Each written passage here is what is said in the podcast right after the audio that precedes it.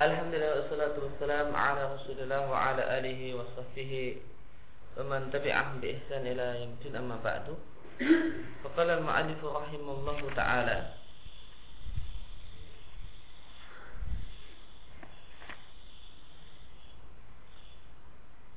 Waqad wasafa Allah Ta'ala Jibril alaihi salamu bi annahu dhu quwwatin 'inda dzil 'arsy makin muta'in sama amin.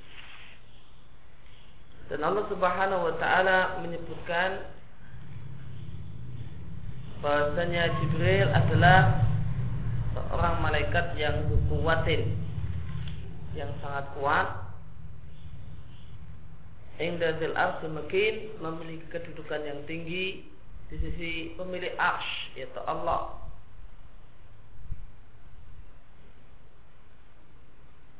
Muta'in sama amin dan dia adalah malaikat yang muta'in ditaati sama di sana yaitu di dunia para malaikat. Dan amin dan dia adalah malaikat yang bisa dipercaya. Malaikat yang amanah. Dan semua malaikat amanah. Wa anna Muhammad sallallahu alaihi wasallam ra'ahu fil ufuqil mubin. Telah melihat Jibril di ufuk yang nyata. Wa wasafahu bi annahu syadidul quwa dzu miratin fastawa dan Allah Subhanahu wa taala menceritakan sifat Jibril di surat An-Najm. Allah katakan Jibril adalah syadidul quwa malaikat yang sangat-sangat kuat.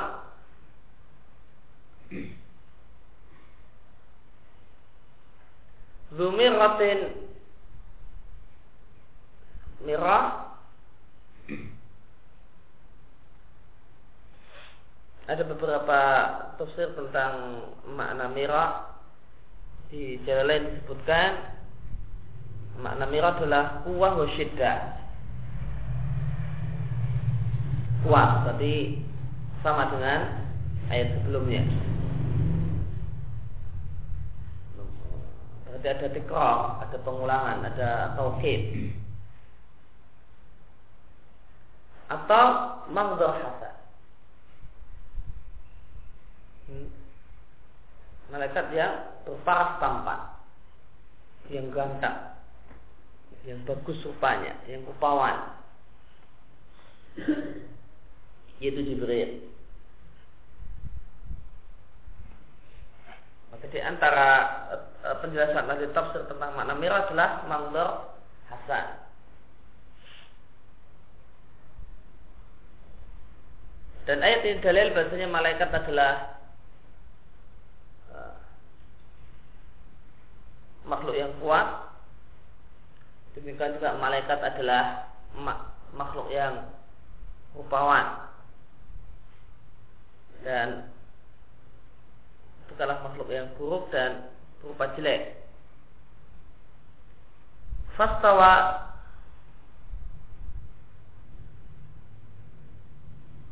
lalu dia berada wawa bil ufukil a'la di atas ufuk yang paling tinggi yaitu ufuk uh, matahari yaitu berada dan Jibril berada di tempat terbitnya matahari dalam rupa aslinya.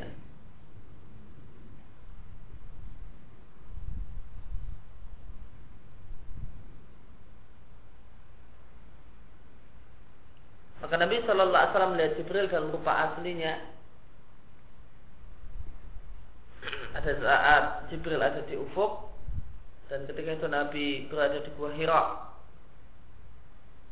dan di Padahal Jibril itu berada di tempat terbit matahari, namun karena demikian besarnya Jibril sampai tertutuplah dunia sampai tempat tenggelamnya matahari. Fakhara maksyian mursian alaih Lalu Nabi melihat kejadian demikian mengerikan tersebut Jatuh pingsan Sumadana fatadalla. Sumadana kemudian dana dana bermakna koruba. Kemudian dekatlah eh, Jibril dengan Nabi kita Sallallahu Alaihi Wasallam. Fatadalla lalu semakin dekat. Fakana minhu maka jarak antara Jibril dengan Nabi kita alaihi salatu wassalam Qoba kausaini Qoba bermakna Qadra Sekadar Kausaini Dua anak panah Ini jarak yang dekat Au adna atau lebih dekat lagi Fa'auha ila abdihi ma'auha. Lalu Allah Subhanahu wa taala memberikan wahyu ila abdihi pada hambanya. Hambanya di sini di tafsir jalan lain maknanya Jibril. Maka Allah Subhanahu wa taala memberikan wahyu kepada Jibril ma'auha apa yang Allah wahyukan, apa yang Allah inginkan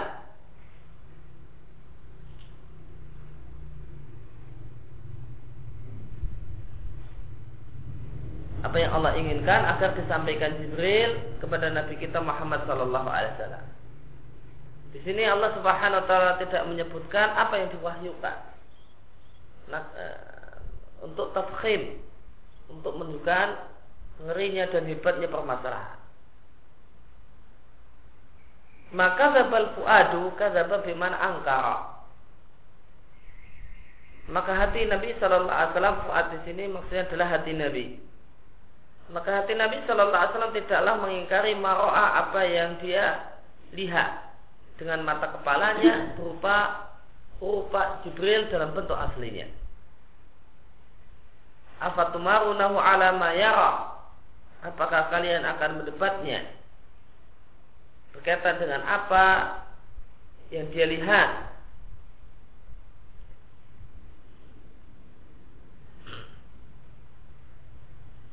Kalian di sini adalah orang-orang musyrik yang mengingkari kalau Nabi Shallallahu Alaihi Wasallam melihat Jibril. Walaupun rahu dan sungguh Nabi kita Muhammad Shallallahu Alaihi Wasallam telah melihat Jibril dalam rupa aslinya nazlatan ukhra. Nazlah bermakna maratan. Pada kali yang kedua, Indah Sidratul Muntaha pada saat Nabi Shallallahu Alaihi Wasallam berada di Sidratul Muntaha.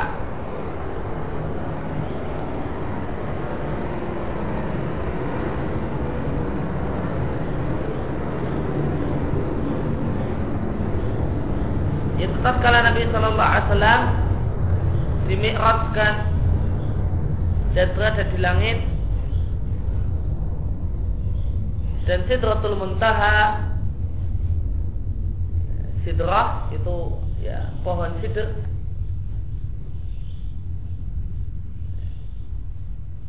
maka yang dimaksud sidratul muntaha ya sidrah ya pohon pohon sidr yang Nabi katakan dalam hadis Isra Mi'raj daunnya besar-besar seperti telinga gajah. An yaminil ars yang berada di sebelah kanan ars. Kenapa disebut muntaha karena la yatajawazzaha ahadun minal malaikati wa ghairihim karena tempat tersebut adalah muntaha akhir. Akhir makhluk. Makhluk tidak ada satu pun makhluk yang bisa melintasi melebihi tempat tersebut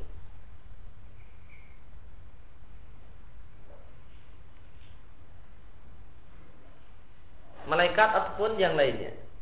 Itu mentok paling maksimal berada di situ. Gak bisa lebih dari itu. Maka dia disebut al-muntaha.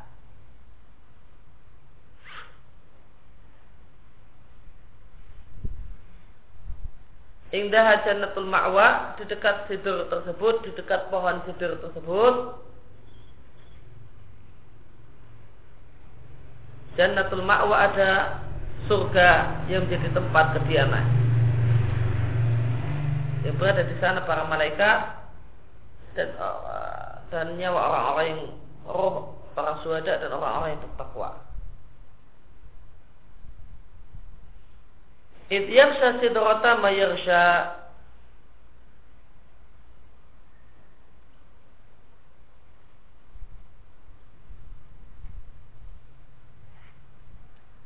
Ketika Yarsha Sidrata menutupi pohon sidr tersebut, Mayarsha apa yang menutupinya?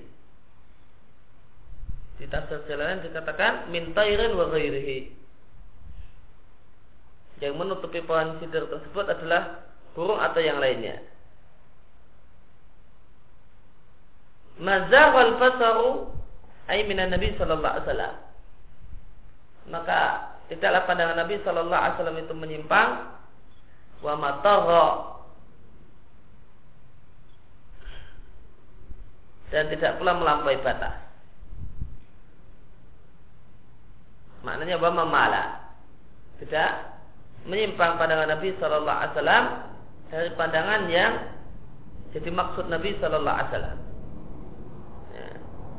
Walai jawazah tidak pula e, melampaui batas dari apa yang diingin ingin untuk dipandang tilkal lailah di malam itu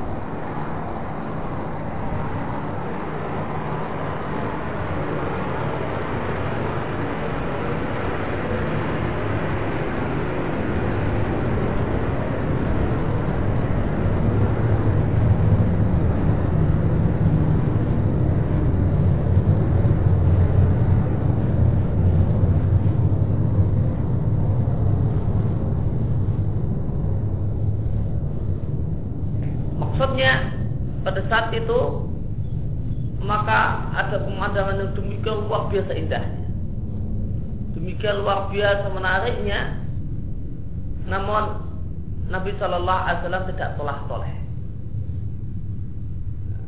ya. namun pandangan Nabi sudah tidak telah kanan kiri.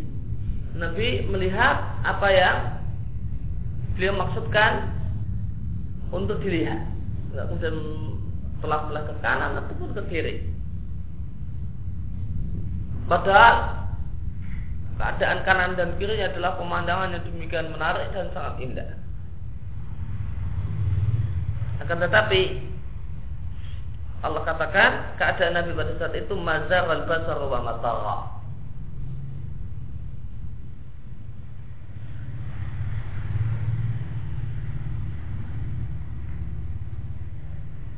Nah, berkaitan dengan ayat ini, maka ada yang membuat kesimpulan yang menarik berkaitan dengan ayat mazar wal basar wa matara ini adalah e, di antara faedah ini faedah ayat ini kandungan ayatnya adalah e, ada apa?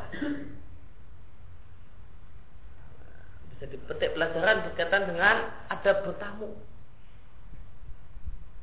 Ya, ketika seorang itu bertamu di rumah orang lain ruang tamunya demikian indah dan menarik itu ya karena bertamu ya yang dilihat tuan rumah. Jangan kemudian lihat sana tuan rumahnya ngomong malah ah, tolah toleh sini.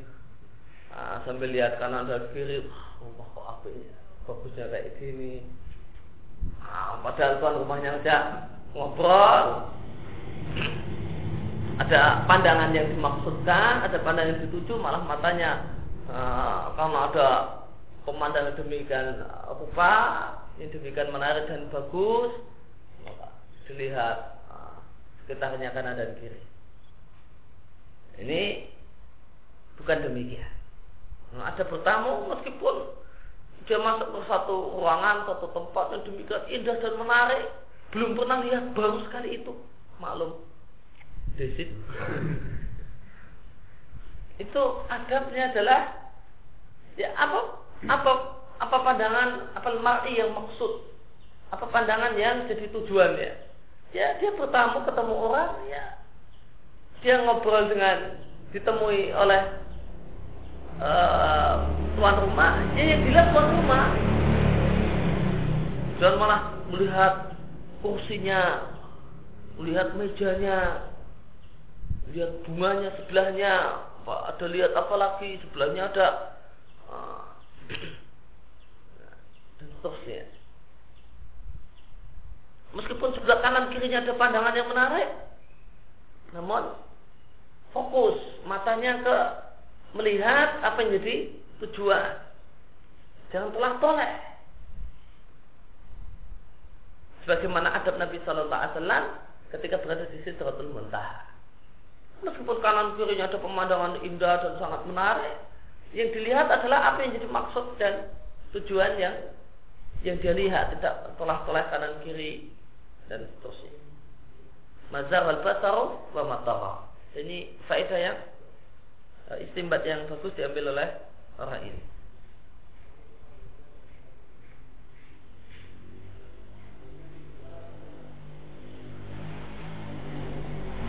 Laqad ra'a min ayati Rabbil Kubra. Sungguh Nabi sallallahu alaihi wasallam melihat fiha melihat di suratul Muntaha min ayati Rabbil Kubra. Ayat-ayat Rabbnya yang tanda-tanda kekuasaan Rabbnya yang besar-besar. Min di sini ba'id sebagian dari tanda-tanda kekuasaan Rabbnya yang besar-besar.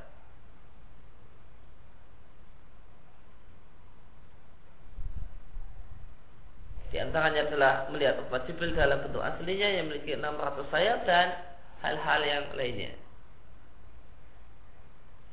Maka ayat ini menunjukkan bahwa Jibril itu adalah makhluk yang benar-benar ada dan makhluk yang berdiri sendiri dan bukan uh, hayal yang ada dalam jiwa seorang nabi sebagaimana akidah falasifah.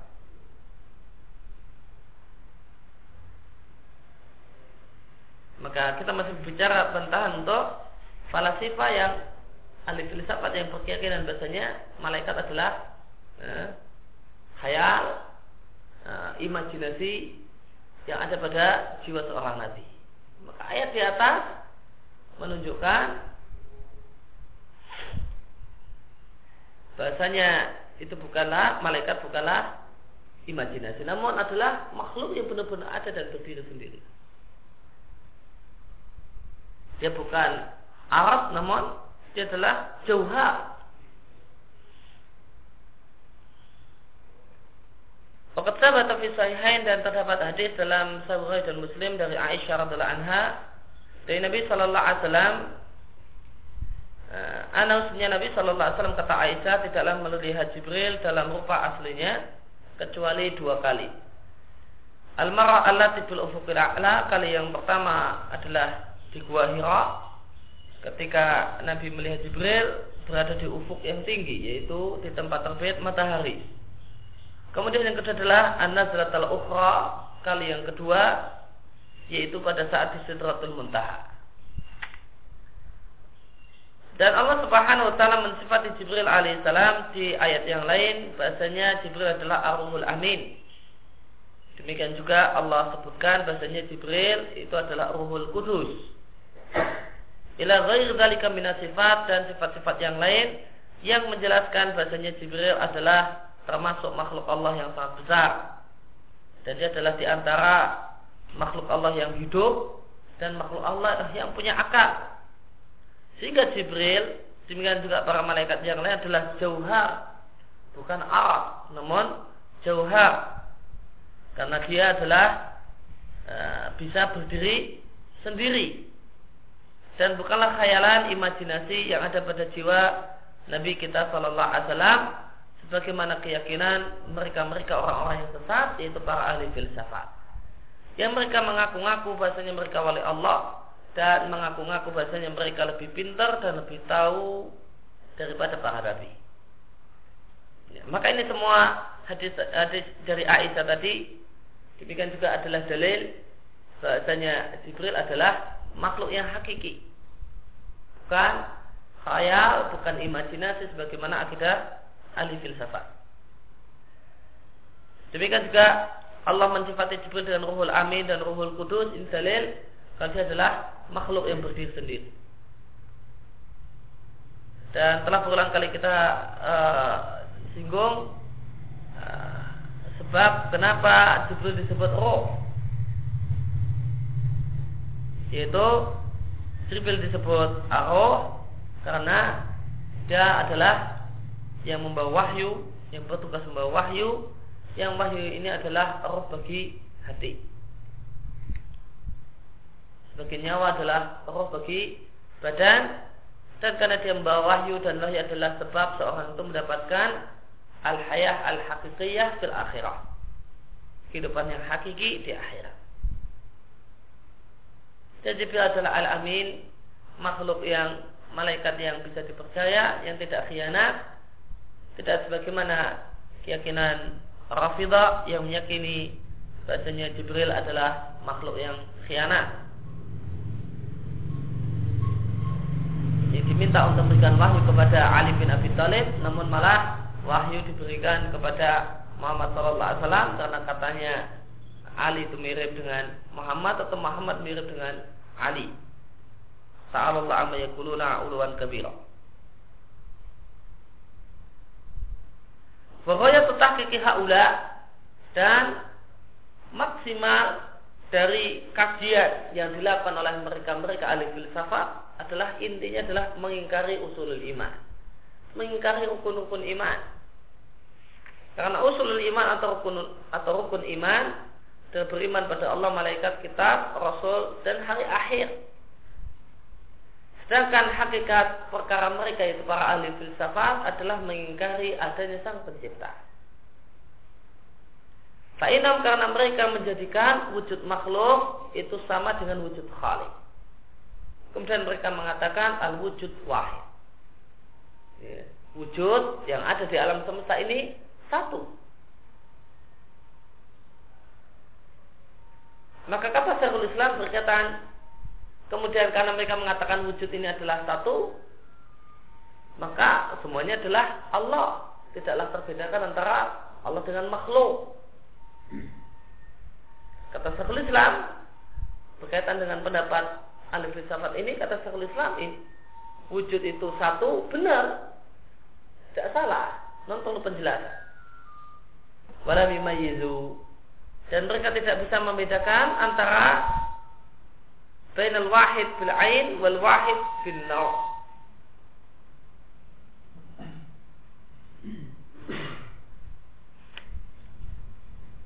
Mereka tidak bisa membedakan yang satu wujud itu satu. Namun satu ini ada satu yang bila ain. Satu pada makhluk-makhluk tertentu dan satu dalam artian satu jenis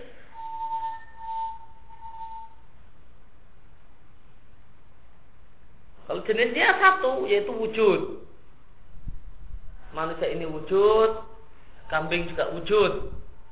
Dan wujudnya manusia beda dengan wujudnya kambing. Tapi kalau masalah jenis wujudnya satu, ya benar satu. Ini manusia ini punya sifat wujud, kambing juga punya sifat wujud. Maka dari dilihat dari jenis wujudnya dan wujud malak, wujud manusia kalau wujud ini sudah dikaitkan dengan makhluk tertentu maka wujud manusia beda dengan wujud kambing. Maka benar wujud itu satu, namun ada wujud yang satu, wujud yang sama itu bila ain. Ketika dikaitkan dengan makhluk tertentu atau binau atau ketika itu jadi jenis.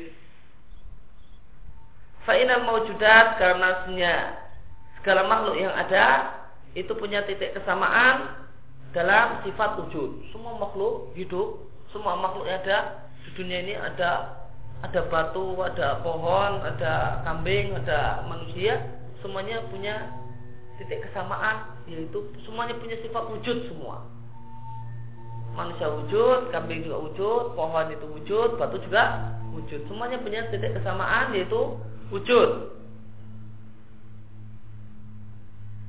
Sebagaimana semua manusia punya titik kesamaan dalam status sebagai manusia. Orang kafir manusia, muslim juga manusia. Muslim taat manusia, muslim ahli maksiat juga manusia.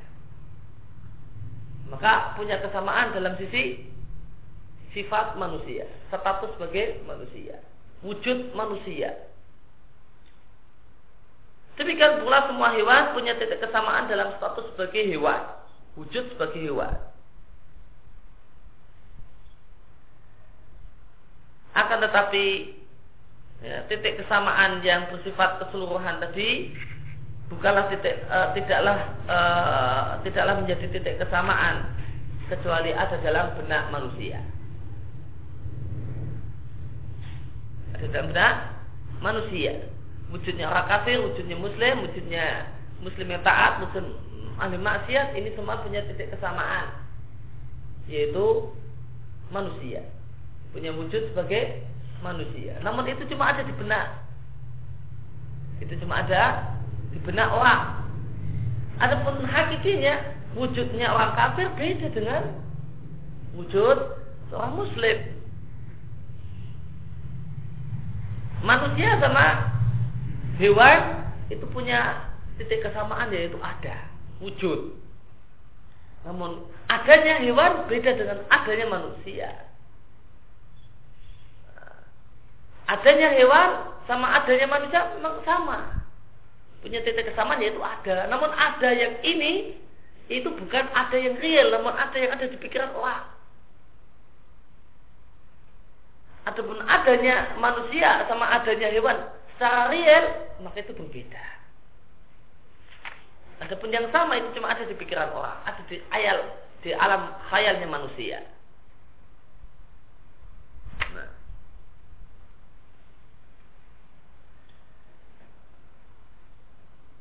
Wa illa ya, akan tet, uh, akan tetapi fala, uh, hayawania sifat kehewanan yang ada pada orang ya, manusia itu hewan punya unsur sifat hewan. Nah, sifat kehewanan yang ada pada manusia beda dengan kehewanan kehewanan yang ada pada kuda. Langit wujud, manusia juga wujud. Kata Syekhul Islam, wujudnya langit. Ya. Jika kita kaitkan dengan bendanya itu langit, itu berbeda dengan wujudnya orang. Maka jika demikian, maka Allah itu wujud, makhluk juga wujud. Maka wujud itu satu.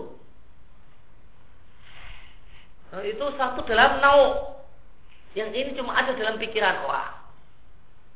Yang ini cuma ada di alam khayal, di alam imajinasi.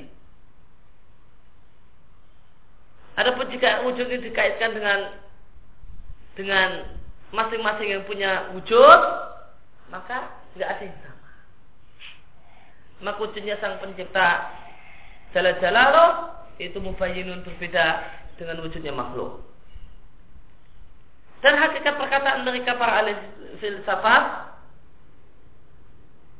adalah sama dengan perkataan Fir'aun yang mengingkari adanya sang pencipta. Fa'ina makasihnya Fir'aun di dalam mengingkari hadal mewujud wal masyhur. Ya, alam dan makhluk yang ada ada bisa disaksikan. Akan tapi Fir'aun meyakini bahasanya makhluk tersebut mewujudun binafsihi. Ada dengan sendirinya tanpa pencipta. Lasani alahu tanpa pencipta. Wahaulah dan mereka para ahli filsafat mencocoki Fir'aun dalam masalah itu.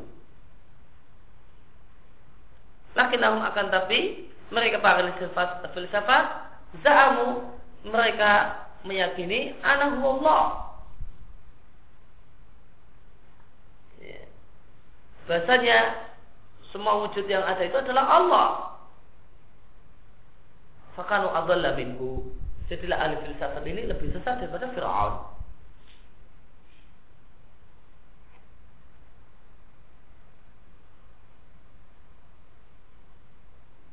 Wa in kana qauluhu hadha wa athar fasadan minhum. Meskipun perkataan Fir'aun ini wa adhar fasadan lebih nampak bahayanya dibandingkan perkataan ahli filsafat. Padahal sebenarnya adalah lebih sesat. Walihada oleh karena itu mereka para ahli filsafat yang berkeyakinan wahdatul wujud mereka menetapkan bahasa para penyembah berhala mereka tidaklah menyembah kecuali menyembah Allah, tidak salah. Karena mereka juga menyembah Allah karena dunia ini wahdatul wujud. Wujud itu tunggal. Wujud makhluk ya sama dengan wujud khalik. Maka orang yang menyembah berhala itu tidak salah.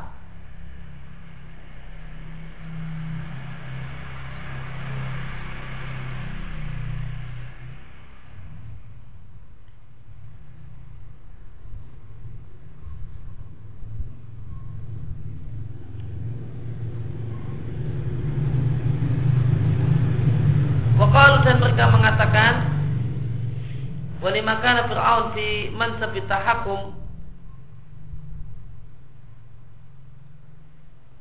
Saib as-sayfi wal hukmi wa in jaza fil urfi an-namusi kadzalik qala ana rabbukumul a'la ay wa in kana al-kullu rabban bi nafsihi fa ana rabbukumul a'la minkum fi ma a'taituhu fi dhahiri min al-hukmi fikum kalau para ahli filsafat mengatakan berkaitan dengan perkataan Fir'aun dan karena Fir'aun itu fimansib dia memiliki jabatan atau hakum yaitu berkuasa karena dialah pemilik pedang dan pemilik hukum. Wenjaza meskipun boleh fi urfin namusi kadalik dalam tradisi hukum semacam itu Kal Fir'aun mengatakan ana rabbukumul a'la. Aku adalah Rabbmu yang paling tinggi. Melainkan aku rabban binafsihi meskipun semuanya juga Rabb. Fa'ana rabbukumul a'la maka, maka, maka aku adalah ya, Rabb kalian yang paling tinggi bima fi zahir disebabkan aku telah secara secara lahiriah nah, akulah yang memberinya ya, yaitu memberi minal hukmi hukum aturan fikum di tengah-tengah kalian. Maka para ahli filsafat yang, yang mengaku sebagai muslim namun berkeyakinan uh, namun berkeyakinan dengan wahdatul wujud dan mereka mengaku-ngaku adalah wali Allah mereka mengatakan ya, bahasanya salahnya Fir'aun. Fir'aun itu sebenarnya benar. Fir'aun itu sebenarnya benar. Lalu salahnya apa? Karena yang dia tetapkan sebagai roh cuma dirinya sendiri. Kalau semuanya itu dia ditetapkan roh nah, itu gak salah. Kalau semua itu roh semua itu Allah Fir'aun itu mah benar. Tapi kalau yang jadi roh cuma dia Salahnya Fir'aun itu di situ, sesatnya di situ. Aslinya nggak sesat. Seandainya dia tetapkan semua adalah Allah. Dia tetapkan semuanya adalah Allah. Karena dia cuma menetapkan Allah itu adalah cuma dirinya, Rabb itu cuma dirinya. Inilah kelirunya Fir'aun. Meskipun ya sebenarnya eh, perkataan Fir'aun itu bisa dimaklumi, bisa ditakwil supaya benar sesuai dengan akidah wahdatul wujud itu Fir'aun itu kan penguasa yang punya hukum. Maka anak rabbukumul a'la fil dhahir. Kalau kita pahami perkataan Fir'aun itu adalah anak rabbukumul a'la fil dhahir. Wa in al-qul rabban, maka itu benar. Maka itu benar. Kalau kita mau takwil agar sejalan dengan akidah wahdatul wujud bahasanya perkataan Fir'aun aku adalah Rob kalian paling tinggi adalah aku adalah Rob, Rob kalian paling tinggi dari sisi lahiriah karena aku yang punya kuasa. Menetapkan hukum. Aku bisa bertindak apa yang aku tetapkan dan aku inginkan. Nah kalau ini ya berdasarkan akidah wadatul wujud nah ini sebenarnya bisa dimaklumi. Namun kesalahan Fir'aun menurut penganut paham wadatul wujud adalah karena menetapkan Rob itu untuk dirinya semata yang lain tidak. Padahal yang benar semuanya hak.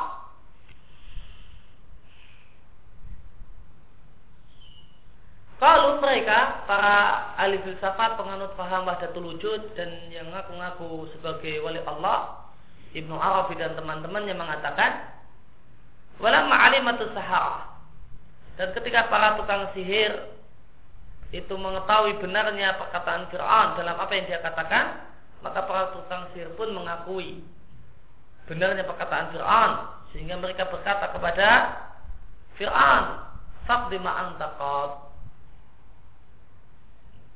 Maka putuskanlah, tetapkanlah apa yang ingin kau tetapkan. Inna mataqdi hadil hayat dunia, maka sendiri kau hanya bisa menetapkan ya, hukum dan aturan uh, di kehidupan dunia ini.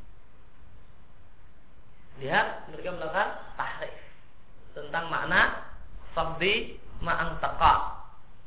Mereka katakan ya, kata Ibnu Arabi dan kawan-kawan faqdi ma'ang taqa itu maknanya adalah ikra dari e, para tukang sihir tentang kebenaran perkataan Fir'aun wa ana rabbukumul a'la. Fi zahir. Karena apa yang punya hukum ini dijadikan oleh Ibn Arab dan kawan-kawan sebagai persetujuan pernyataan pembenaran dari para tukang sihir Fir'aun bahwasanya Fir'aun adalah Rabb yang paling tinggi karena dia yang punya dan memegang hukum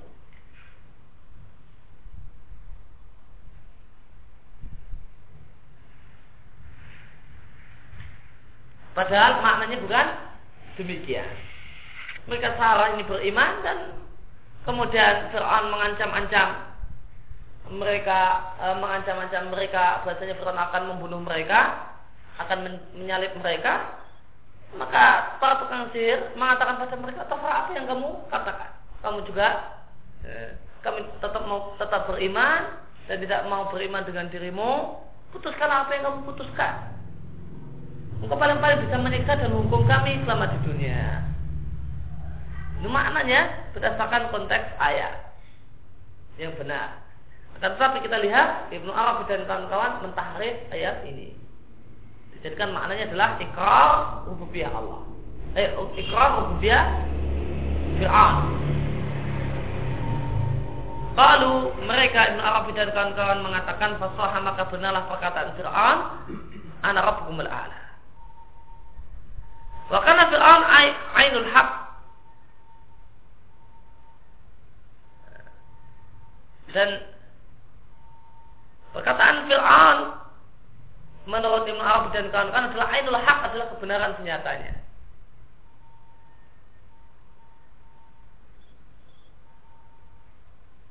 Lihat seandainya uh, ada orang yang ahlul hawa yang mau cari-cari uh, uh, punya tendensi untuk membenar-benarkan kesesatan maka dia bisa dan orang-orang liberal itu juga bisa nukil Ibnu Taimiyah itu makalahnya lebih mahal daripada jika yang dinukil yang lainnya. Tuh, orang kafir tahu tentang bagaimana keadaan siapakah itu Syekhul Islam Maka jika orang-orang liberal ini nulis tulisan untuk menyesatkan umat, kok bisa pakai embel-embel rujukannya itu macam fatwa Ibnu Taimiyah, itu harganya itu lebih mahal, duitnya lebih banyak daripada uh, kalau nukilannya orang lain. Kalau nukilan bisa Ibnu Taimiyah, Ibnu Qayyim itu meningkatkan duitnya. Maka mereka nukil kata Ibu Taimiyah ketika mencerita, ketika mau membantah membantah kesesatan kemudian menceritakan omongan orang sesat. Nah, omongan orang sesat ini dijadikan sebagai perkataan Ibnu Taimiyah. Hmm. Caranya demikian. Ketika Syekhul Islam bahas aliran sesat, kan nukil dulu. Nah, gimana perkataan mereka, pendapat mereka, Baru setelah itu ada bantahannya. Ketika Ibnu Taimiyah itu e, menceritakan perkataan tokoh sesat atau aliran sesat, nah ini yang kemudian yang dikutip. Oh, ini ada di majelis fatwa demikian demikian halaman sekian, juz halaman sekali sekian. Padahal ini disebutkan adalah perkataan Syekhul Islam Taimiyah ketika baru menukil perkataan orang sesat. Misalnya di sini perkataan dan keyakinan Ibnu Arabi ya, dan kawan-kawannya wakana fir'aunu ainal haq Nah, kalau orang yang tendensius yang wah ini Intemiyah mengatakan Fir'aun itu benar. Pada ini menceritakan perkataan Ibnu Arabi dan kawan-kawannya. Wakana Fir'aunu ainal haq. Dan menurut Ibnu Arabi dan kawan-kawannya, Fir'aun itu adalah perkataan Fir'aun itu adalah kebenaran senyatanya. Inilah bukti kalau Ibnu Arabi dan kawan-kawannya mengaku sebagai wali Allah adalah orang yang ya, mengingkari al-khaliq. Kemudian yang kedua, akidah mereka ujung-ujungnya adalah mengingkari hakikat hari akhir.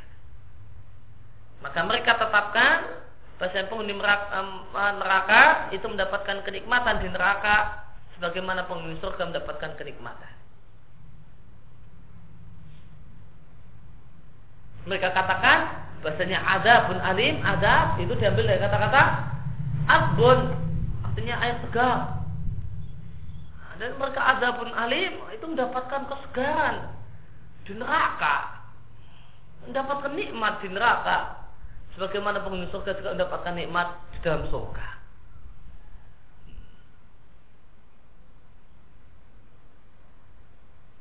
maka mereka tetapkan ahli neraka ya tak na'amun mendapatkan nikmat. Bukan mendapatkan azab mau mendapatkan nikmat. Karena azab dari kata-kata asbun kata mereka. Sebagaimana penghuni surga juga mendapatkan nikmat di surga. Maka jadilah mereka adalah orang-orang yang kafir dengan Allah dan hari akhir kafir dengan para malaikat karena mereka mengatakan malaikat adalah khayal khayal imajinasi Nabi, kutub dan para rasul. Padahal mereka mengaku-ngaku anam khulafatul khas. Mereka adalah manusia yang istimewa yang paling istimewa. Kesimpulannya orang-orang istimewa. Min ahli wailayatillah dari golongan wali-wali Allah. Bahkan mereka mengaku-ngaku bahasanya mereka adalah manusia yang lebih afdol daripada para nabi. Bahkan mereka katakan para nabi yang mengenal Allah itu dari lentera mereka, dari sumber mereka. Boleh sahada sebenarnya masalah ini atau tulisan ini bukanlah tempat untuk bastin berpanjang lebar menjelaskan kesesatan mereka-mereka. Akan tapi dikarenakan pembicaraan kita adalah tentang wali Allah dan pembicaraan kita adalah membedakan antara wali Allah dengan wali setan, Padahal mereka-mereka adalah orang yang paling semangat untuk mengaku-ngaku jadi wali Allah. Padahal sebenarnya mereka adalah manusia yang paling semangat untuk jadi wali setan. Maka kami ingatkan hal tersebut. Oleh karena itu, maka mayoritas perkataan mereka di sini hanyalah khayal, hanyalah imajinasi setan dan mereka mengatakan sebagaimana yang dikatakan oleh penulis Futuhatul Makiyah yaitu Ibnu Arabi. Ibnu Arabi mengatakan ana ardal haqiqah ya ardul khayal. Dataran realita adalah dataran imajinasi. Yang namanya realita adalah imajinasi. Demikian kata Ibnu Arabi. Saya tarik maka dia mengakui bahasanya hakikat yang dia bicarakan adalah khayal. Kata Syekhul Islam, wal khayal huwa mahalu tasyarfi syaitan. Dan imajinasi manusia itulah tempat setan itu bermain. Setan itu sasaran dan tempat bermainnya untuk menyesatkan orang adalah dengan imajinasi-imajinasi, dengan hayal-hayalannya. Fa'ina syaitan karena setan kata Syekhul Islam membuat khayalan bagi manusia berbagai hal yang khayalan-khayalan tersebut berbeda dan menyelisih kenyataan sesungguhnya.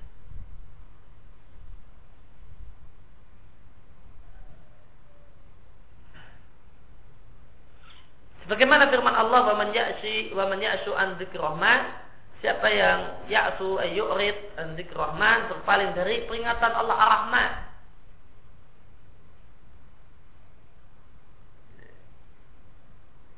tentang makna zikr rahman bagaimana pernah kita bahas di awal-awal kitab ini ada berapa penafsiran Hmm?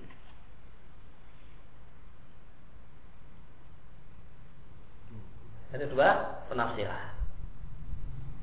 Yaitu tentang makna Rahman. Apakah dia menjadi bimana fa'il ataukah bimana maf'ul. Maka ada dua penafsiran tentang yang dimaksud wa may ang dzikr rahman. Sebagaimana dikatakan Ibnu Qayyim, sebagaimana saya baca di Tafsirul Qayyim Ibnu Qayyim.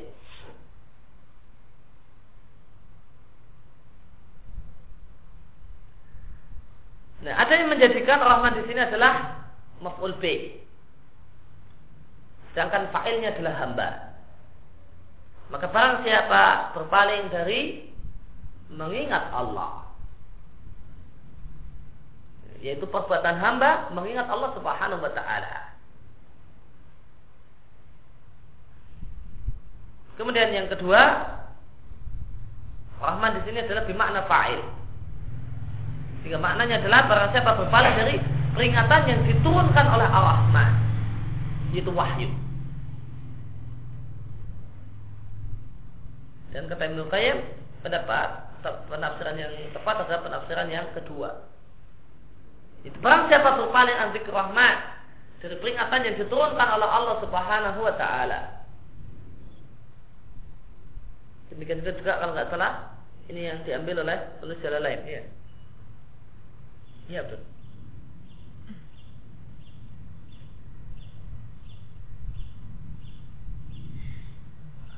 Eh?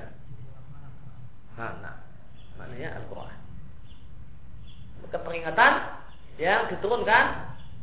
Allah Allah. Yaitu Al-Quran. Itu wahyu. Nuqayyid syaitan maka kami ikatkan baginya setan maka setan itu jadi temannya. Wa inna dan setan sungguh menghalangi mereka dari jalan yang benar namun mereka mengira bahasanya mereka adalah orang-orang yang mendapatkan petunjuk. Lihat khayal wa yasabuna anahum muhtadun dan setan membuatkan khayalan untuk mereka, bahasanya mereka itu berada di atas hidayah. Padahal di atas di atas sesat. Dan setan bermain di khayal manusia. Ya. Setan membuat khayalan bagi manusia-manusia yang sesat ini, bahasanya mereka berada di atas hidayah. Hatta idza ja'ana sampai jika mereka telah datang kepada kami menghadap Allah, maka orang-orang tersebut mengatakan ya laita baini wa bainaka budal masyiqain fa bi'sal. Maka manusia yang disesatkan oleh setan berkata kepada setan, ya laita baini wa bainak budal masyiqain. Seandainya ya, duh seandainya jarak antara aku dengan engkau wahai setan budal masyiqain se, se, sejauh ya, dua tempat terbitnya matahari. Tapi salkarin maka engkau adalah sejelek-jelek teman. Apa dimaksud masyukain? Masyukwal? Masyukain di sini ya, maknanya adalah masyrik wal maghrib. Sejauh timur dan barat. Sebagaimana uh, ayah dan ibu disebut walidain matahari dan rembulan disebut pemarain maka timur dan barat disebut masyriqain namun berbeda dengan ayat Rabbul Masyriqain wa Rabbul Maribain Allah adalah Rabb dua timur dan dua barat. Karena itu Masyriqain itu maknanya bukan timur dan barat. Karena lanjutannya ayat Rabbul Maribain Rab Allah adalah Rab tempat dua tempat terbitnya matahari dan dua tempat tenggelamnya matahari. Itu maksudnya dua terbitnya matahari di musim panas dan di musim dingin. Karena eh, posisi matahari itu geser. Nggak tetap munculnya di arah yang sama. Lain musim lain tempat uh, terbitnya. Di musim hujan sama di musim panas, misalnya di tempat kita itu posisi matahari lain. geser dan semakin ke utara semakin ke utara. Demikian juga tenggelamnya matahari. Ya. Kadang pas di barat, kemudian kadang geser ke selatan. Nah. Tapi misalkan maka sejak teman, wala yang faukum al-yawm idzalamtum annakum fil adabi musytarikun. Dan tidaklah manfaat bagi kalian hari ini karena kalian telah berbuat zalim, maksudnya kalian berserikat dalam adab Allah Subhanahu wa taala. Demikian juga firman Allah Subhanahu Allah la yaghfiru ayyushraka di dalam mengampuni dosa syirik wa yaghfiru ma duna dzalika liman yasha dan Allah mengampuni ya, maduna zalika dosa-dosa bawah syirik liman yasha bagi siapa saja yang Allah kehendaki. Duna di sini kata Ibnu Saimin di Qol Mufid maknanya adalah tahta bukan siwa. Atau sebenarnya mungkin kita katakan maknanya adalah siwa?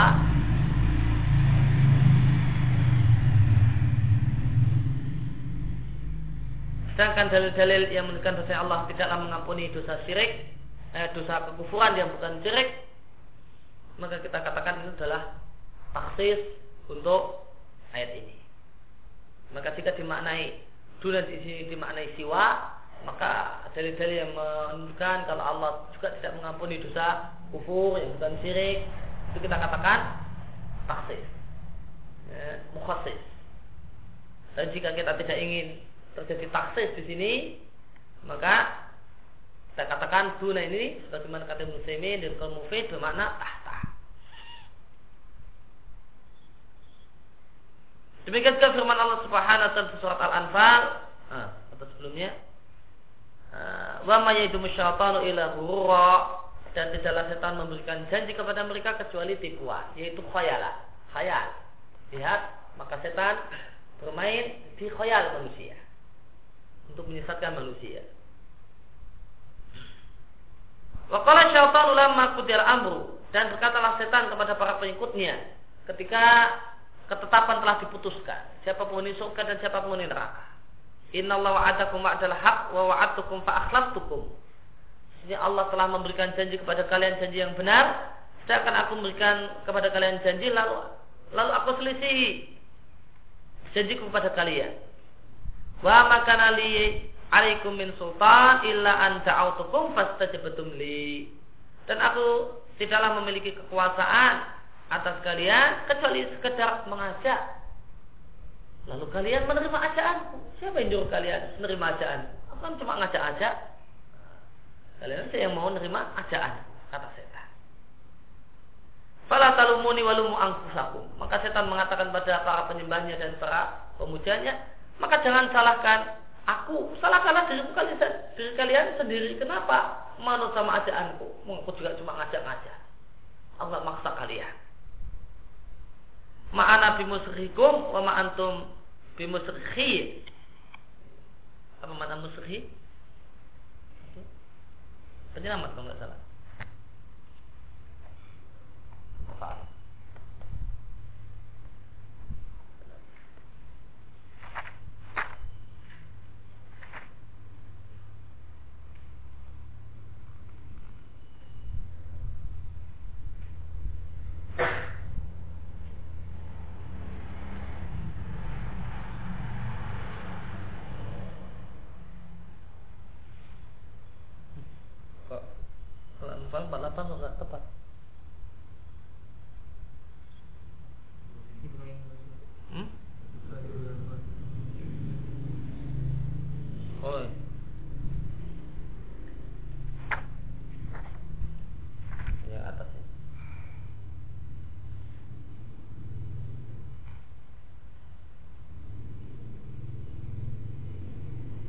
Muhis maknanya.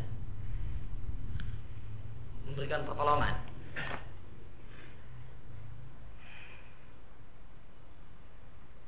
Maka Nabi musyrikum maka aku tidak bisa memberikan pertolongan pada kalian dan kalian pun tidak bisa memberikan pertolongan kepadaku. Ini kafar bima asraktum, sesungguhnya aku mengingkari. Bima asraktum Aksuktumuni min qabl Ya aku mengingkari keserikan kali, uh, uh, perbuatan kalian menyekutukan aku dengan Allah Subhanahu wa taala. Min itu sejak di dunia. Kata setan, aku sudah mengingkari kalian untuk tidak uh, menyekutukan aku dengan Allah Subhanahu wa taala sejak di dunia. Inna zalimina lahum adabun alim dan sebenarnya untuk orang-orang yang zalim, orang-orang kafir untuk mereka adabun alim. Siksa yang pedih.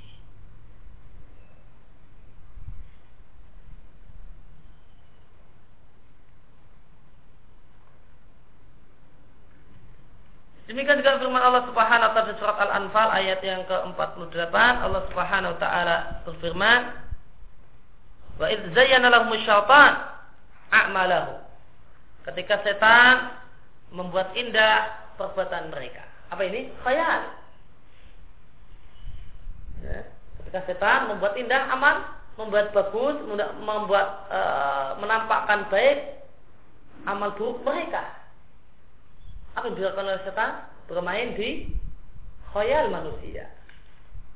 Maka ditimbulkanlah khayalan di benak manusia ini adalah amal yang baik padahal itu amal yang buruk.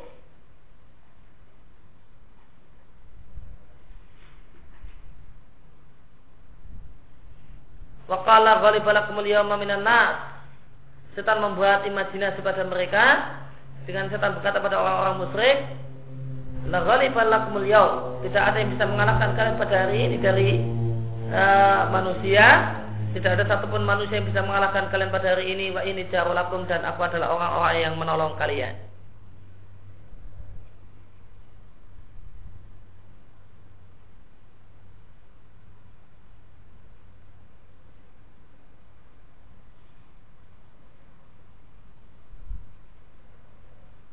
Ini terjadi perkataan setan ini di, terjadi di perang Badar. Setan mem memotivasi orang-orang musyrik untuk berperang.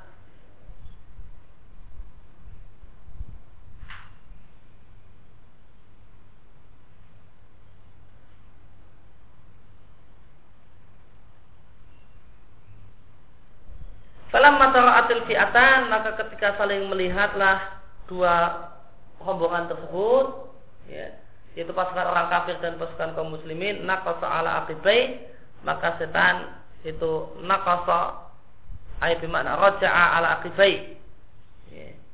roja'a ala akibai itu balik kanan kalau bahasa kita. Roja'a ala akibai kembali pada dua tumitnya. Dua eh, eh, dua tumitnya Wakal ini bari umingkum.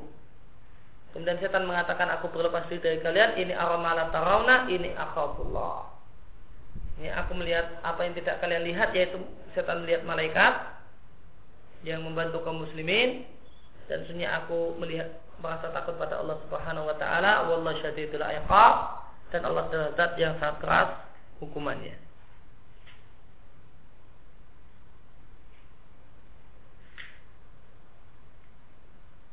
Ini bari umingkum maknanya aku berlepas diri yaitu dari menolong kalian. Aku tidak jadi menolong kalian. Karena aku melihat apa yang tidak kalian lihat yaitu setan lihat malaikat.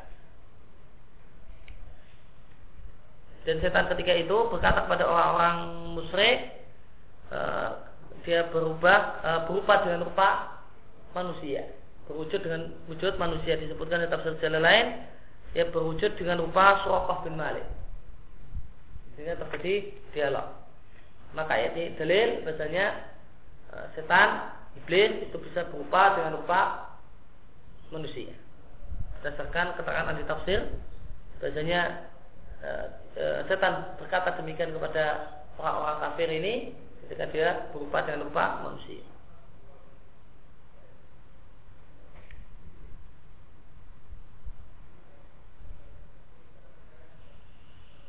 Ya, demikian yang kita bahas pada hari ini. Wassalamualaikum ala nabiyina Muhammadin wa ala alihi wasallam. Wa alhamdulillahirabbil alamin. Subhanakallahumma bihamdika asyhadu an la ilaha illa anta astaghfiruka wa atubu ilaik.